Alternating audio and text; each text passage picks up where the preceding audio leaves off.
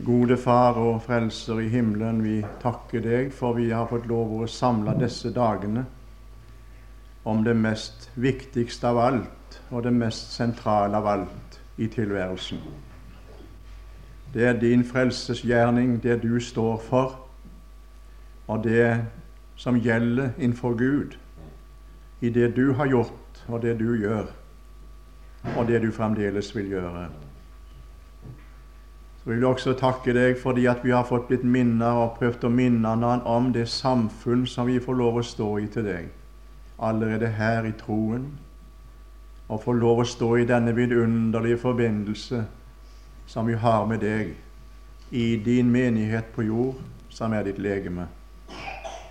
Og Herre, takk for du har omsorg for oss alle sammen. Og du vil rense, du vil fø og varme og du vil berge, og du vil redde oss inn i ditt himmelske rike. Vi takker deg, Herre, for planen er klar. Og vi veit at det er ferdig, himmelen venter på oss, og du venter. Dagen nærmer seg. Jesu Kristi dag, forløsningens dag. Vi takker deg for at vi skal få lov på Golgatas grunn og forsoningsgrunn å være rede hver stund. Takk for dette, Herre Jesus. Må du signe også denne siste bibeltime under dette kurs.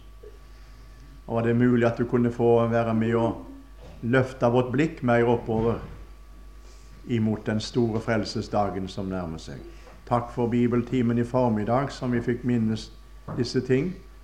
Og var det noe du kunne få gi oss også nå, Herre, så vil vi gi deg en anledning gjennom ditt ord ved din ånd og tale til oss. Gjør det for Jesus skyld, til ære for deg sjøl. Amen. Efeserbrevet kapittel 5, vers 22 og 23.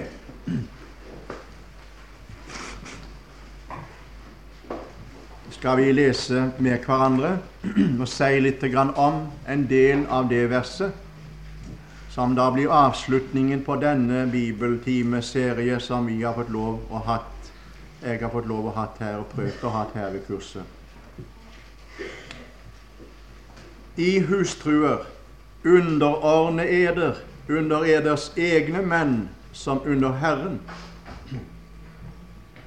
For mannen er hustruens hoved, like som Kristus er menighetens hoved. Han som er sitt legemes frelser. Amen. Det var den siste setningen jeg gjerne vil si litt om her i dag. Han som er sitt legemes frelser. Vi hørte det her i bibeltimen i formiddag. Det var talt om, og Bjerkrem kom inn på dette, at dere frelser i flere betydninger av ordet i Skriften. Vi kan si du er frelst ifra noe. Vi er frelst inn i noe, og vi er frelst til noe. Ut ifra Frelst oss ut ifra det vonde. Frelst oss ut ifra Satans makt. Frelst oss bort ifra det som vi før var bonden av. Frelst oss, fridd oss ut av mørkets makt, slik står det i en av ordene av apostelen. Men på samme tid så er vi frelst inn i noe. Vi er frelst inn i et samfunn. Vi er frelst inn i en menighet. Vi er frelst inn i et legeme. Vi er satt inn i en sammenheng som her er troens sammenheng. Og Derfor er vi troende mennesker. Vi er brødre og søstre i Kristus. Vi tilhører et samfunn som her er bare ja, vi får lov å si, er bare en samfunn i tro og utlendighet. Vi får lov å være sammen, men i grunnen så ser vi ikke fullt ut ennå hva dette samfunnet innebærer. Jeg tror ikke det er riktig klart for oss ennå. Vi synger med hverandre hvor deilig det er å møte når ene man vandrer frem. En broder og søsterskare på veien til samme hjem. Det synger vi. Og det skal vi synge, og det er en herlig sang. Men jeg vil si det at vi fullt ut ikke forstår ennå hva slags sammenheng vi står i. til hverandre fullt ut, og til Kristus. Derfor er det stykkevis vi får lov å se det her, for vi, vi er ikke kommet igjennom verden og nådd fram ennå. Men eh, vi skal frelses ikke bare fra noe og inn i noe, men vi frelses også til noe. Og det er det som også vi har prøvd å peke litt på her. Vi frelses inn i en sammenheng, et legeme, en menigheten heter det, som er Kristi legeme på jord, som vi skal få lov, og han skal virke gjennom. Og vi skal ta oss av hverandre, hjelpe hverandre framover. Vi er lemmer som han skal bruke. Det er noen lemmer som han bruker som sine ypperste, som skal tjene han, og som vi skal få lov til å, å være i funksjon. Han skal være i funksjon igjennom.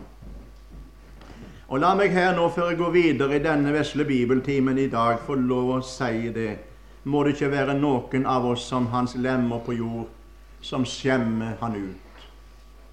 La oss heller være med og gjøre og sette noe inn på dette at Han må få ære gjennom mitt liv. At ikke en lemmen skjemmer han ut, men at vi heller må være med og, og vise det liv som vi får lov til å leve, og at hans liv må få, få, få avspeile seg i oss mer og mer. Og Jeg vil si det til dere i dag, og særlig dere unge her det er veldig viktig at du ser mye på Jesus. Det, det, det, har jeg sagt mange ganger. Jeg tror det er viktig, det. Vi ser på Jesus i stedet for å se inn i oss sjøl, bli opptatt med Han. Og Det står her i Bibelen, i 2. Korinter 4, der heter det nemlig det at vi som er utildekket åsyn, skuer Herrens herlighet som i en speil. Og det har vi her. Vi blir alle forvandlet til det samme bildet. Fra herlighet til herlighet, som av Herrens ånd. Altså, det er noe som, noe som skjer når vi ser på Jesus. Da blir vi forvandla i vårt sinn og i vår tanke og i vårt liv. Og vårt liv blir en avspeiling av Han i verden. Nå skal vi si lite grann her om dette og fortsette der Bjerkrem også tok, med, tok, oss med i formiddag. Eh, når det tales her om at han er sitt legemes frelser, så betyr det jo selvsagt det at han frelser oss om dagene, frelser oss ifra synden vår, frelser oss ifra det vonde, og frelser oss på vandringen heimover og oppover. Og Jeg vil gjerne si det til dere som kanskje ikke har vært under disse bibeltimer at den Herre Jesus, hodet for legemet, er mye mer interessert i å rense deg og, og, og, berge deg og hjelpe deg igjennom enn du er til å bli rensa og bli berga igjen. Jeg er ikke likegyldig, jeg, for mine lemmer. Og ikke sant, når du kommer borti noe som er farlig Det kan være et eller annet som, som du vet hvis, hvis, min kropp kommer borti, og min hånd kommer borti der, så, så, så, så er det fare på ferde. Det er jo ingen, ikke noen person som ville si ålreit, det skjer ingenting om jeg kommer i kappsaga, for det gjør ingenting. Nei, jeg trekker meg til. Og bare en liten veps som stikker. Ja, så er vi der med en gang. Ja, slik er det. Vi er jo interessert i å frelse vårt legeme. Det er ingen som sier det, at det er ikke så farlig om jeg går iblant alle ting som er skader legemet mitt. Nei, det er vi, vi er interessert i at legemet vårt skal bli frelst. Og Det vil jeg gjerne overføre på Kristus. Jeg vil si det til dere i dag, som denne siste bibeltime. Han er så interessert i å frelse dere at du aner det ikke. Hele hans tanke, hele hans sinn, hele hans person er opptatt med dette, og at de må bli frelst. Nå fram. Og han er mektig til å frelse oss like fram. Det vil jeg gjerne understreke. Så når det tales om her, så er det ikke bare at Han frelser oss i vårt liv, daglig frelse, renser oss daglig og berger oss igjennom, men eh, når det står Han er sitt legemes frelser, ja, så er det dette at han, eh, han har planen klar. jeg skal ha hele legemet mitt hjem. Det skal ikke være noen lem igjen. Og når Jesus kommer, eh, så henter han ikke bare en del, men han henter hele menigheten. Hele legemet. Han trekker det til seg, rykker det til seg i synet, slik som vi hørte så herlig om i formiddag. Så han er sitt legemes frelser. Og jeg må gjerne understreke det igjen, som jeg kanskje har gjort før her i disse timene, at det er en herlig trygghet. Det er det. Og nei og nei og nei. Om du kunne nå få reise hjem fra dette kurset og begynne å, å, å regne slik, tenke slik Jeg er en lem. Vel en liten lem. La gå med det. Vær da det, kjære venn. En liten lem. Takk ikke til å bli noe større enn du er.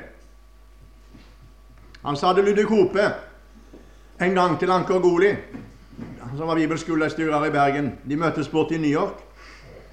Eller nei, ikke New York, det var borte i eh, Chicago de møttes. Anker Goli hadde lurt seg inn og satt nede ved døra på den store kirka der borte. Og Anker Goli eh, og Ludvig Hope sto på talerstolen. Og vet du hva? I den store forsamlingen på mange hundre mennesker så tok eh, Ludvig Hope han ut. Og så sa han fra talerstolen Sofus, kom fram. Du vet, folk Verden rike. Sofus, kom fram. Han heter Sofus Anker Goli. Og så måtte Anker Goli fram i den store forsamlingen. og Så seiler du hope på han, og så så han utover forsamlingen og sa han, i denne mannen her bor det mye stygt. sa han. Hjelpe meg. Og amerikanerne de visste ikke om verden skulle le eller gråte. De kunne tro det ble mye stygt i denne mannen. sa han. De trodde hvis det var en forbryter som var tatt ut ifra rennesteinen. Men, sa du opp om det bor mye stygt i han, så er det, er det, det med at det som er godt i han, det er av Kristus. Det av Gud. Og det bor mye godt også, for det er det som er i han, det er av, Kristus. Det er godt. Så talte han litt til han, og så sa han du, du Sofus, stig ikke høyere enn livets lov løfter deg. Men så Anker Goli etterpå, det glemmer jeg aldri. Stig ikke høyere enn livets lov løfte deg. Og Det er noen av oss som kanskje strekker oss mer og blir for strekt kristenliv. Det er mye for strekt kristenliv. Og Jeg vil bare si det her fordi at det er veldig mye feilplassering i Guds menighet. Feilplassering praktisk. Ja. Når en tar en evangelist og setter han på sekretærpulten Den kan du gjerne få med på lydbåndet. Ta en evangelist ut ifra evangelistgjerningen som er brennende for Kristus og vil forkynne evangeliet, og har fått det lagt på sitt hjerte at sjela skal bli frelst. Set han på en kontorpult på et sekretærkontor, og du tar knekken på han. Han er ikke plassert, han ikke, Det er ikke der han skal være. Og her er mye feil plassering. Det er ikke Gud som har gjort det, men det merkelige det er det. Jeg har fått mange kall fra forskjellige organisasjoner og og osv. Til både sekretærer og andre ting. Og alle sammen, alle kallsbrev jeg har fått, jeg har fått flere stykker nå gjennom 40 år snart. Vet du, Alle sier at de er blitt overbevist om at det er Gud. Ja. Jeg har måttet ha sagt jeg har vært litt, kanskje litt, eh, litt humoristisk i den forbindelse. Eh, når jeg har møtt av vedkommende som har kalt, de mener det så vel at det er Gud som kaller. Ja, det er Han som kaller. Så har jeg sagt det. For jeg har ikke tru nemlig for å sette meg på en sekretærpult. Jeg har ikke tru for. Nok om det, noen må være der òg. Men har jeg sagt det, jeg må si som han sa, evangelisten Bjørk borte i Sverige. Er mange år siden han levde nå. Men det kom nemlig en kvinne til han en dag på et møte. Tok han til side, så sa han Og så sa hun til han, du, Gud har åpenbart det for meg at jeg skal gifte meg med deg.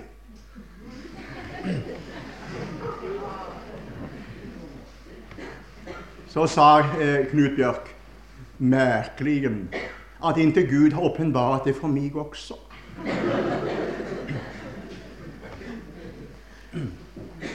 Altså, da må det, det må det være begge veier, ikke sant? Det må det være en åpenbaring, en overbevisning, en overtydning også for den som skal plasseres der, at det er min plass. Nok om det. La oss være på den plassen Han har satt oss. Om du hører med til legemet, om du er en liten lem, ubetydelig lem, som han som spikra plakatene som jeg talte om i formiddag. En tjeneste hadde han likevel i Guds rike, og han døde på post. Og det blir ikke lønn etter stilling, men etter troskap. Det vil jeg gjerne si. Vær tro på plassen du har sett, og tjen den Herre Kristus i legemet, i menigheten, i Guds levende menighet. Med den, I den posisjon og stilling han har plassert deg på legemet. Trå ikke etter høye. Hold dere gjerne til det lave. Vær ikke selvkloke. Slik står Bibelen. Jeg har en blyant her. Den har talt mange ganger til meg. Ikke bare den, men han er fin, ikke sant? Rød og flott. Ja, fin blyant. Han er rød òg. Den blyanten står her og er til ingen nytte. Ingen nytte. Men så tar jeg han og så skriver jeg et brev. Det er ikke alltid jeg skriver, skriver ikke brev med rødt. Jeg gjorde han fall lov det. Men det gjør jeg ikke lenger. Men eh, jeg skriver et brev, og så sender jeg det til en venn. Legger det i konvolutt og går i posten med det. Og når jeg har skrevet brevet, så setter jeg blyanten opp i lomma igjen. Ikke akkurat denne lomma her, men Vel, vel, der står han. Tenk om han begynte å snakke. Hva vil han si da? Jeg er veldig flink. Å, du verden. Ohoi. Jeg har skrevet et sånt salig brev til, til, til, en venn. Å nei, å nei, hvor god jeg er. Å, du verden. Hva jeg har gjort. Se her. Nei. Hva vil han si? Han ville si 'Jeg er ingenting'. Jeg har ikke skrevet noe brev, men det er Røykenes som har brukt meg til å skrive et brev. Det er hans produkt. Tankene kom jo fra han. Og så førte han de pennen, og jeg lot meg bruke. Kan ikke noe annet. Og så skrev han brevet. Og så står han her i lomma og så sier han, 'Jeg er ingenting', men det er han som har gjort det. Slik er det å være en kristen også. Å nei, jeg må si det at det er vidunderlig en vidunderlig logikk i Guds ord. Paulus i 2. Korinterbrev kapittel 12, og nei, hvor fint det er. Når han stiger fram der og så sier det, skriver til, til korintermenigheten, og så sier han Han snakker om den tårnen i kjødet, veit du. Du husker det? Og så sier han har fått en tårn i kjødet, en Satans engel som skulle slå han. Så ba han tre ganger om at han måtte vike ifra han. Fikk han høre det. Min nåde er det nok. Min kraft fullendes i skrøpelighet. Så sier Paulus det videre. Når jeg er skrøpelig, da er jeg sterk. Helt imot en menneskelig logikk. Hvem ville stå fram og si et skrøpelig menneske? Det er sterkt menneske. Et skrøpelig menneske som kjenner sin skrøpelighet, han setter vi ikke til noe stor gjerning. Det gjør vi ikke. Nei, det må være fysisk og psykisk styrke i den personen vi setter i en stilling. Herren sier, 'Jeg gjør deg svak. Jeg gjør deg til ingenting.' Og da skal jeg forbruke deg. Og det er det som ingenting er han utvalgte seg, sier Paulus i 1. Korinterbrev 1. Det som ingenting er. Det svake ingenting. At han kan få være alt i alle. Legemes, han er sitt legemes frelser. Jeg vil gjerne få lov å nevne en to-tre ting her til slutt i dag. Og Når det betyr at han er sitt legemes frelser, så betyr det at han skal ta hele sitt legeme, som han har fått, fått tatt imot, og som lemmer på hans legeme, skal han frelse, som Paulus sier i, i uh, time kapittel 4, vers, 5, vers 18. Han sier han, han skal fri meg fra all vond gjerning. Han skal frelse meg inn i sitt himmelske rike. Frelse meg inn i sitt himmelske rike. Han skal trekke både føttene og hendene til seg, for han er hodet for legemet seg, menigheten. Og vi skal frelses inn i det himmelske riket. Vi skal møte Han. Vi skal se Han som Han er hørte vi i formiddag. Vi skal bli ham lik. Og Jeg vil gjerne også understreke dette som eh, står i Hebreabrevet kapittel 10, 28. vers. når det heter det at han kommer annen gang til frelse for de som venter på ham. Så han kommer til frelse for oss. Å vente på Kristus, ja, det er ganske naturlig. Det er ganske naturlig. Det slår klart og tydelig til Salonika-menigheten. Hvis vi slår opp 1. Tessalonika-brev, så ser vi det at det, det, var en, det var en naturlig sak for tessalonikerne. Det skulle være like naturlig for oss. Kapittel 1 i 1. Tessalonika-brev. Der skriver apostelen til det, og så sier han, vers 9 og 10 For selv forteller de om hva inngang vi fikk hos dere, og hvorledes I vendte eder til Gud fra avgudene det var omvendelse. Det var det første de gjorde. De vendte om fra Gud til Gud, fra avgudene. Og så står det 'for å tjene den levende og sanne Gud'. De ble et virksomt lemmer på Kristi legeme. Men så står det i vers 10 og vente på en Sønn fra himlene. Altså Det var ikke noe som de hørte så lenge etterpå. De vendte seg til Gud fra avgudene. De begynte å tjene den levende og sanne Gud. Og så sa de til hverandre nå må vi vente på han. Nå venter vi på Hans Sønn fra himlene, som han vakte opp fra de døde. Jesus, han som frir oss fra den kommende vrede. Han frir oss fra den kommende vrede. Han skal frelse oss inn i sitt himmelske rike. Så han er sitt legemes frelser. Og la meg nå få nevne tre ting. For det første så er han sitt legemes frelser fordi han er opphavet til denne vår frelse. Og Det vil jeg gjerne understreke med det som står i Hebreerbrevet, kapittel 5 og 7-10. Altså, Han er egentlig ikke bare opphavet når det gjelder, når det gjelder alt det skapte. Det sier Paulus i Kolossenserbrevet. Han sier det at alle ting er skapt av han og ved han og til han. Han er før alle ting, osv. Men så ser han også i Kolossenserbrevet 1,18 at han er hovedet for legemet, som er menigheten, han som er opphavet.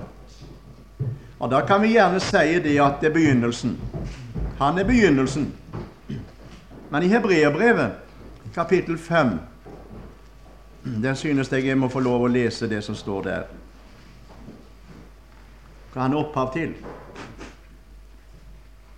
Dette har Gud bestemt lenge, lenge før vår verden var til. Og Derfor er det så herlig å få lese Efeserbrevet 1.3. Å nei, hvor glad jeg er i det. Han har utvalgt oss i Kristus. Han snakket med sønnen sin og ordna det forholdet før verdens grunnvoll ble lagt. Har bestemt oss til å få barnekår. Ja, det gjorde han. Hva står det her i Hebreerbrevet, da? Vers 7-10. Og han har i sitt kjøds dager med sterkt skrik og, og tårer frembåret bønner og nødrop til Han som kunne frelse ham fra døden. Han ble bønnhørt for sin gudsfrykt. Og således lærte han, skjønt han var sønn, lydighet av det han led. Og da han var fullendt, ble han opphav til evig frelse for alle dem som lyder han, som tror på han som tar imot han, og som retter seg etter hans ord og det han har sagt, og ble av Gud kalt ypperste prest etter Melkisedeks vis. Den som har tatt imot Jesus, har tatt imot den personen som Gud har sagt. Han er opphavet til evig frelse for alle de som lyder ham. Så det er ikke noe småtteri å tilhøre Kristus. Da har vi den personen som Gud har handla med, både i skaperverket og i frelsesverket. Han er opphavet til alt det skapte, og han er opphavet til hele Guds frelse. Begge deler. Ingen frelse uten ham. Og det er herlig å være tilhøre en slik person som har en slik mandat, og som har en slik posisjon hos Gud, at Gud ikke handler med noe annen person, verken i himmel eller på jord, men handler alene ut ifra det Sønnen er, Og den posisjon som Sønnen har, han regner han med. Han handler han med. Han er det han bestemmer alt ved. Det er han som er sentrum i Guds hjerte, og ingen annen. Han er opphavet til alt sammen. Derfor heter det 'Ordet var hos Gud, og ordet var Gud'. Og ordet ble kjød og festet tok bolig iblant oss. Han er begynnelsen og enden, den første og den siste. Han er troens opphavsmann og troens fullender. Han er A og Ø. A og Ø, sa jeg på bibelskolen. Vi snakket sammen eller talte i en time. Så var det en fra Finnmark som sa han, du får ta Å med også, sa han. Og i vårt alfabet er det Å som er den siste. A den første og Å den siste. A og Ø og Å. Han er alltid sammen. Han er opphavet til alltid sammen. Han begynner, og han fullender. Og som Jobb sier det så herlig om Kristus, for det er Kristus han vitner om når han i sin bok, eller der han sitter og skraper seg i eh, vet du, i, i, i, i askehaugen med potteskår, så sier han, men jeg, jeg vet at min gjenløser lever, og som den siste skal han stå frem på støvet. Jo da, han er det både den første og den siste. Han er opphav til evig frelse. I Kolossenserbrevet 1 der finner vi også dette vi har understreket her, men vi skal ta det enda en litt med her. I Kolossenserbrevet 1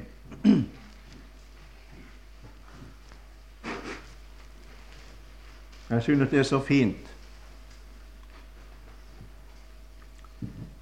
Ehm, i vers 21.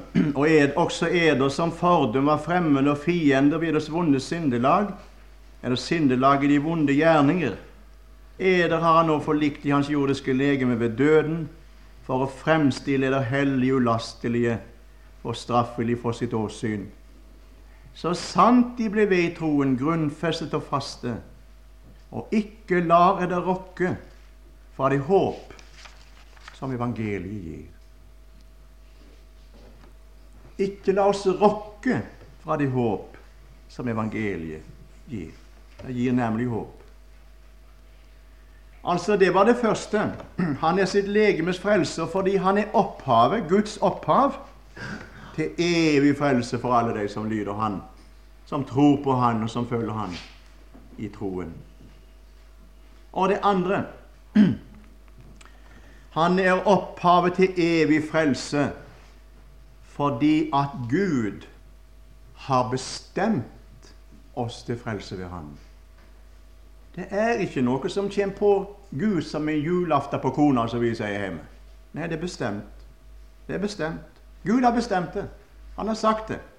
At det er frelse, evig frelse, og får vi Han og ikke noen annen. I 1. Tessalonika 5, 7-9, der har vi også Det kan vi ta med. Jeg vil gjerne understreke dette, for det er veldig viktig at vi understreker Guds ord for hverandre. Også disse, ikke minst disse ting her for oss i disse dager. Første Tessaloniker 5, 7-9. De som sover, sover jo om natten, og de som er drukne, er drukne om natten. Men vi som hører dagen til, La oss være edrue, ikledd troens og kjærlighetens brynje, med håpet om frelse som hjelm. Så kommer det som jeg gjerne vil understreke. For Gud bestemte oss ikke til vrede. Men hva bestemte Han oss til? Til å vinne frelse ved vår Herre Jesus Kristus. Og det er en frelse som vi skal snart få oppleve, tror jeg. Nemlig vi skal være sammen med Han. Og så sier han i vers 10 han som døde for oss, for at vi, enten vi våker om dagen eller sover om natta, skal leve sammen med Han. Dette er bestemt.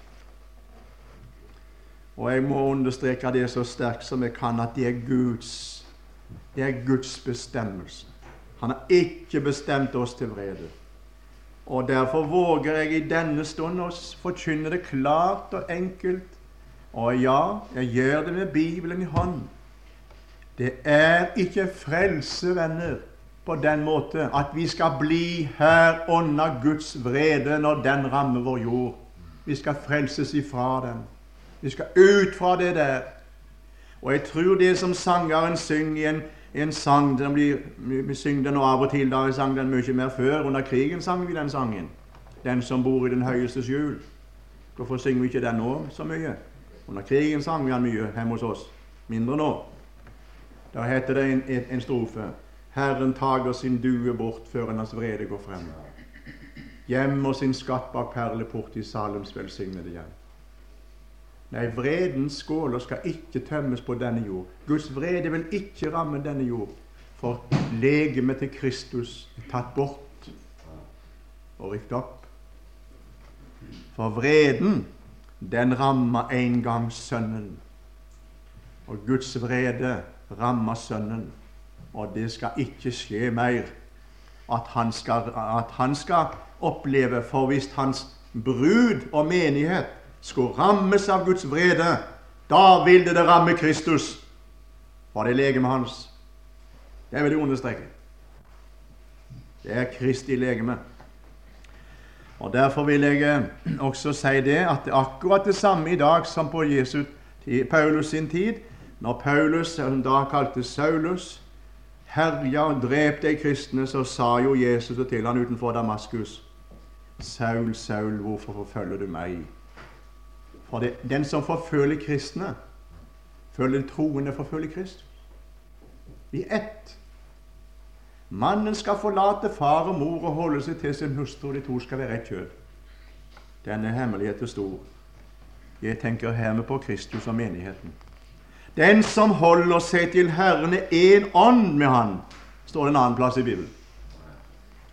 Så det er Kristus, og du er ett, min kjære venn. Vi er bestemt til frelse. Og nei og nei. Bestemt av Gud. Han tok seg ut et folk for sitt navn. Han vant seg en menighet. Han vant seg ved sin brud, den brud ved sitt blod. Og jeg vil understreke det i dag, at det har Gud gjort. Han har gitt deg mange til del, og det sterke skal han få til bytte. Det er det som skjer nå. Alle som Faderen gir meg, kommer til meg, og den som kommer til meg, skal ingenlunde støte ut.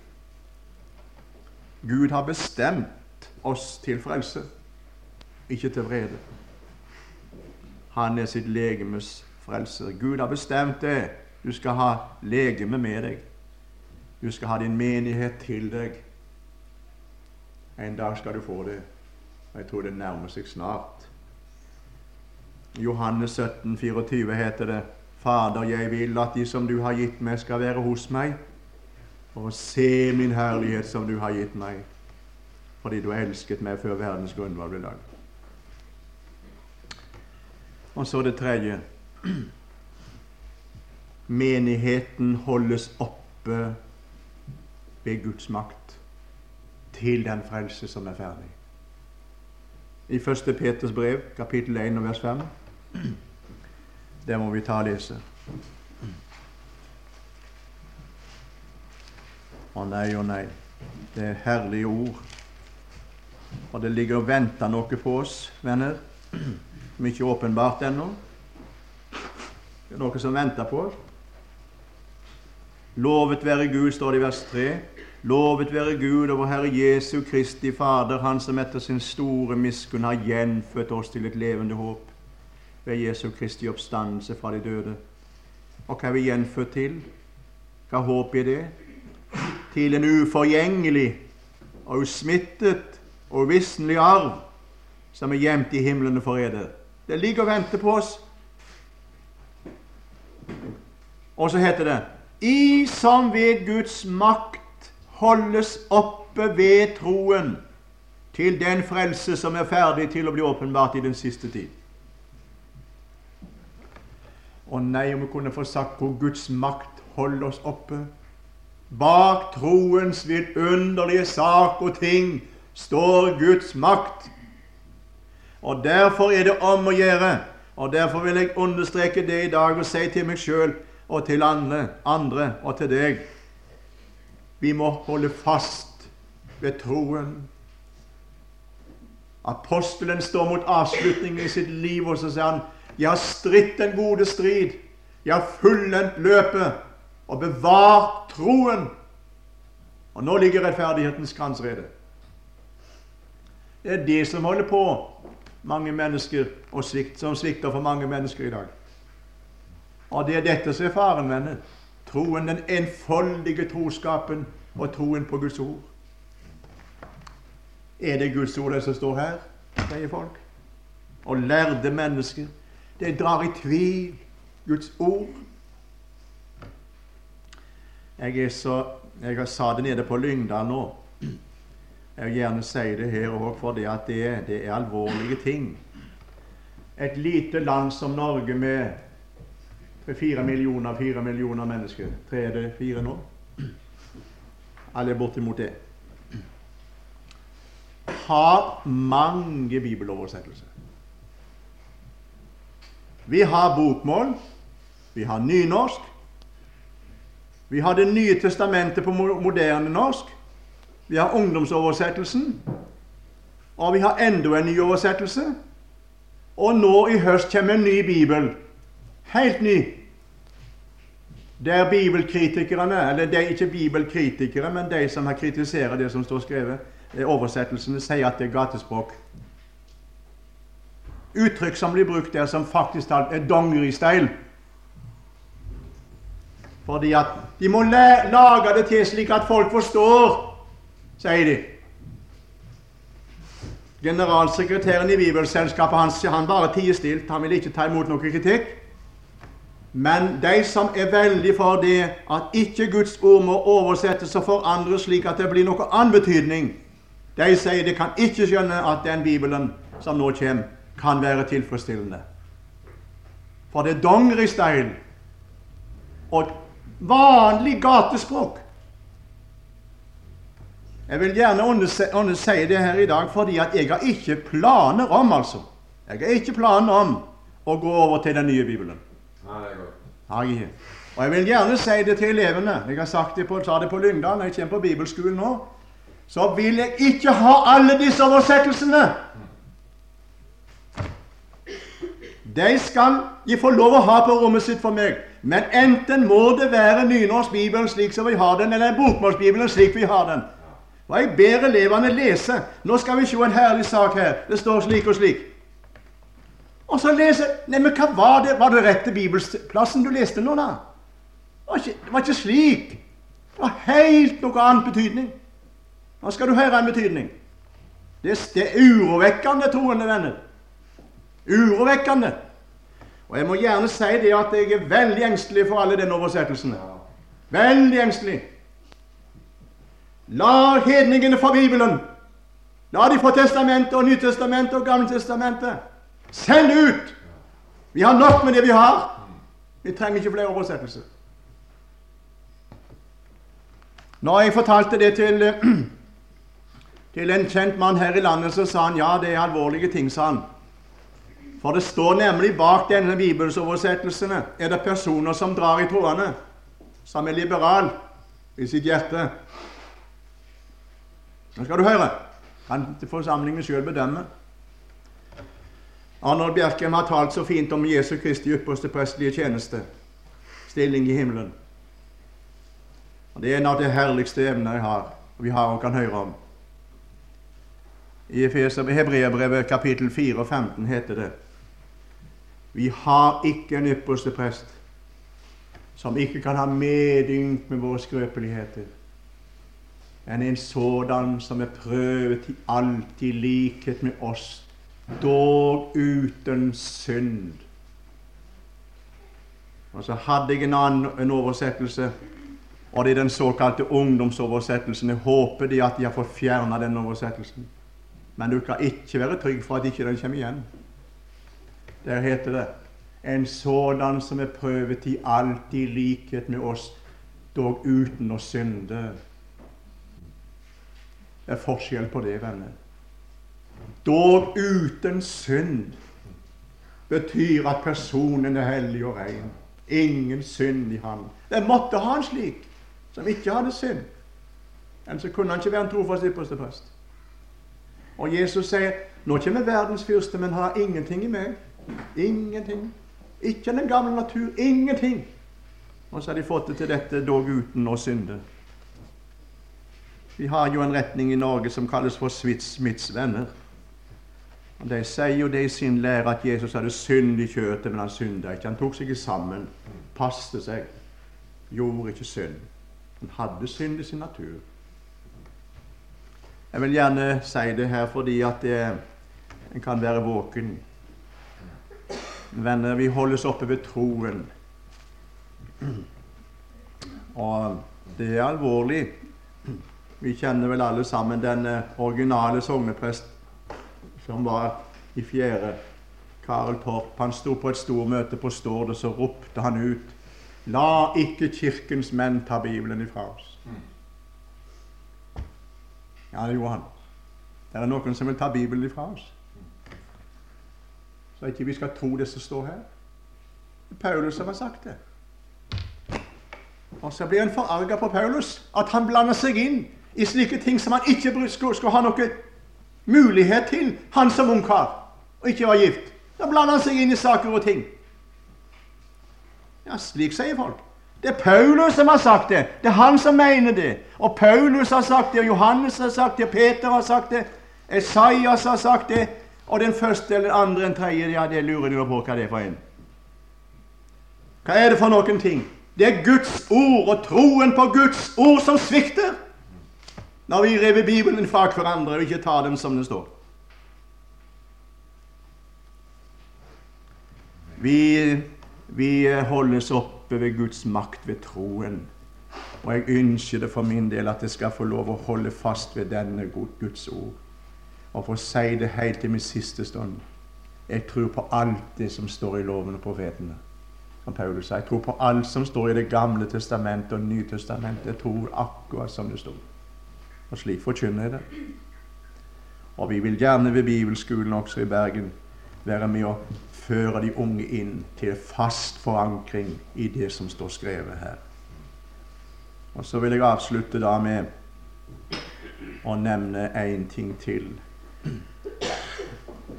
Og det er det som står her i Johannes evangeliet, det tiende kapittel.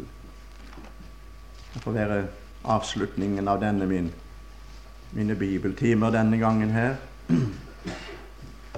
Og jeg tar det med oss, for det betyr også så mye for meg.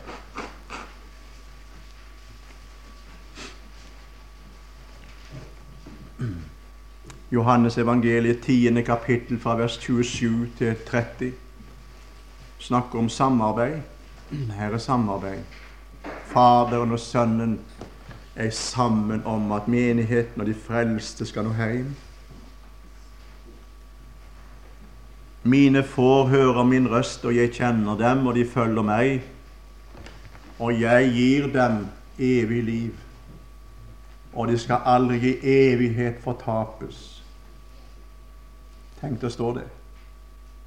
Og ingen skal rive dem ut av min hånd. Min Fader som har gitt meg dem, er større enn alle, og ingen kan rive dem ut av min Faders hånd. Jeg og Faderen, vi er ett. Ja, de ett og annet. Ett i sin person. Det er de. Faderen og Sønnen. Det er ingen forskjell der. Ingen variant. Faderen og Sønnen og Ånden. Alle er samme. Det er det samme. De vil alle. Men la meg få si det når, Jesus sier 'Jeg og Faderen vi er ett', så har dette med vår bevarelse å gjøre. Ingen skal rive dem ut av min hånd, og ingen kan rive dem ut av min Faders hånd. For vi er ett om bevarelsen. Vi er ett om dette. Vi skal ha deg hjem til himmelen. Du skal slippe sitte her på, på møtet i dag og så sier jeg er ikke så sikker på om Gud vil ha meg hjem. Og Jesus han vil ha meg hjem. Jesus vil ha meg til himmelen. Men hvordan Gud er, hvordan er Gud Jo, han sier 'Å, jeg er like mye glad for at du kommer hjem'. Og det blir herlig for Gud også den dagen når Jesus får alle de til seg som han fikk lov å frelse, inn i sitt legeme her på jord, og som han fikk lov til å ta imot og eie som sin, sitt legeme under vandringen. Det blir en jubel også i Guds hjerte når menigheten toger inn. De frelste toger inn og møter sin brudgom, møter sin frelser. Og det blir en forening mellom brudgom og brud. Hodet får legemet til seg i herligheten. Du for en dag, du for en dag. Den nærmer seg. Og nå Før jeg setter meg ned, må jeg få lov å fortelle det som Fredrik Røvan sa nede på Sørlandet. Han talte til en ungdomsflokk der på et bedehus nede i Flekkefjord. Den gamle Herrens tjener som har studert Guds ord i en manns alder, vel. Noen av dere kjenner Fredrik Røvan. Han sto der ovenfor denne store, fine ungdomsflokken, og så sa han yngresflokken, kristne ungdommer. De fleste var vel det. Så sa han eh, Jeg ser dere som sitter her, dere fine unge gutter og jenter her. Må jeg gjerne få, få hilse dere med noe som ligger så på hjertet mitt, sa han, og si til dere hva jeg tror nå. Jeg tror dere slipper å dø, sa han. Så stanset en liten stund. Ja, kan vel hende en kvann av oss av dere må dø. Men nå tenker jeg generelt på hele flokken av kristne ungdom som lever nå i dag. Jeg tror dere slipper å dø. Jeg tror at Jesus kommer i deres tid. Det blir en forvandling og en rykkelse opp i skyen til møtes med Kristus. Jeg tror dere slipper å dø. Ja, det kan vel hende. Iallfall skal vi som Guds menighet på jord være klar til enhver tid og vente på Kristus. Bakom neste veisvingen, kanskje han er der. Slik skal vi. Vi skal sitte og vente. Vi skal vente, og mens vi venter, så skal vi arbeide, forkynne evangeliet, så nåden kan få nå til dess flere. Og flere kan bli med i legemet som han er frelser for. Prise Gud, for jeg får lov å tilhøre Han. Og jeg skal hjem til himmelen. Det er hans mål. Og dit vil jeg. Herre Jesus. Så skal du ha takk fordi du sto oss bi under disse timene også. Og var det noe som denne flokken her kunne få ta med seg hjem og vandre i i dagene framover og leve på, ja, så vil vi be deg, Jesus, om at det må få bli til velsignelse og til ære for ditt navn. Vi takker deg, Herre, for vi får lov å stå i denne sammenheng. Takk for vi er lemmer på ditt legeme, som du er frelser for. Og så vil vi prise deg for at en dag skal vi bli deg lik og se deg som du er. Og vi skal få være evig sammen med deg. Det er målet. Og jeg må be deg, gjør du meg rede, rede ved aften eller ved gry. Da når du henter bruden som venter, så rykk også meg med din i sky. Takk for jeg tror du vil gjøre det, Jesus. Jeg blir med når du kommer. Signer du dagen videre og møtet i kveld. Amen.